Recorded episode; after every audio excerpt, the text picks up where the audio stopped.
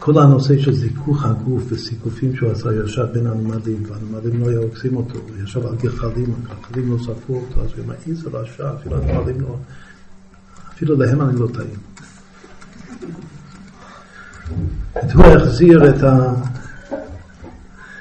הוא החזיר את האח שלו, את הרב מלך בחסידות, לא, לא בתשובה, והוא קירב אותו לחסידות. אז גם כן, שהרב אומר שהיה עילוי גדול, שאל אותו באיזה זכות זכית, מתוקרב אותם, איך זה היה, שהוא בא, הוא לא הכיר אותו, היה צעיר, הוא עזב אותו כשהיה תינוק. הוא חזר והוא כאילו הזדהה כאחיר, והוא התחיל לקרוא לו את המחשבות, אז סתם בלי תורה, רק... למה משמונה עשרה אתה חושב על הסוגיה הזאת, פלטו, זו סוגיה מה שהוא חושב בתורה, שפיקוד הוא אין לך.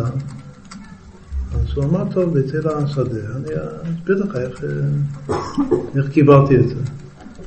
אז הוא מוציא אותו לשדה ויושבים בתוך הנמלים, זה, זה מה שעושים. אז uh, התחילו לעקוץ את הרבי למלך, ואותו לא. אז הוא התפלל לקודש ברוך שלכבוד אחיו, שרק פעם אחת שיעצו אותי גם. זו תפילה מיוחדת. ואז באמת אה, השם שמע את התפילה שלו.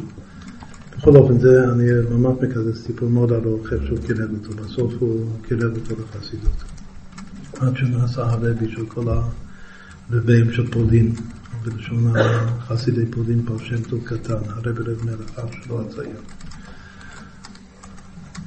הוא תמיד אומר שהוא כמו בן המלך, ואני כמו עבד פשוט של המלך. ככה הרב זושר אמר על. לאח שלו. עכשיו, כל הזיכוך של הגוף, שבעצם זה, דבר, זה, זה שייך לתפילת הנצח, בפרט, בגלל שהמעשה והגוף זה מתחיל מהנצח, לזכך את הגוף עד כדי כך שהוא חוזר בסוף ימיו במצב שלא נאמר שום צדיק בעולם, שהוא חוזר להיות כמו תינוק טהור, אבל תינוק עולמי, לא תינוק של העולם הזה. כמו האדם הראשון לפני החטא, זה כמו שאמרנו קודם, זה, לנצח את מלאך המוות לגמרי. שיהיה רק מלאה כאילו מת.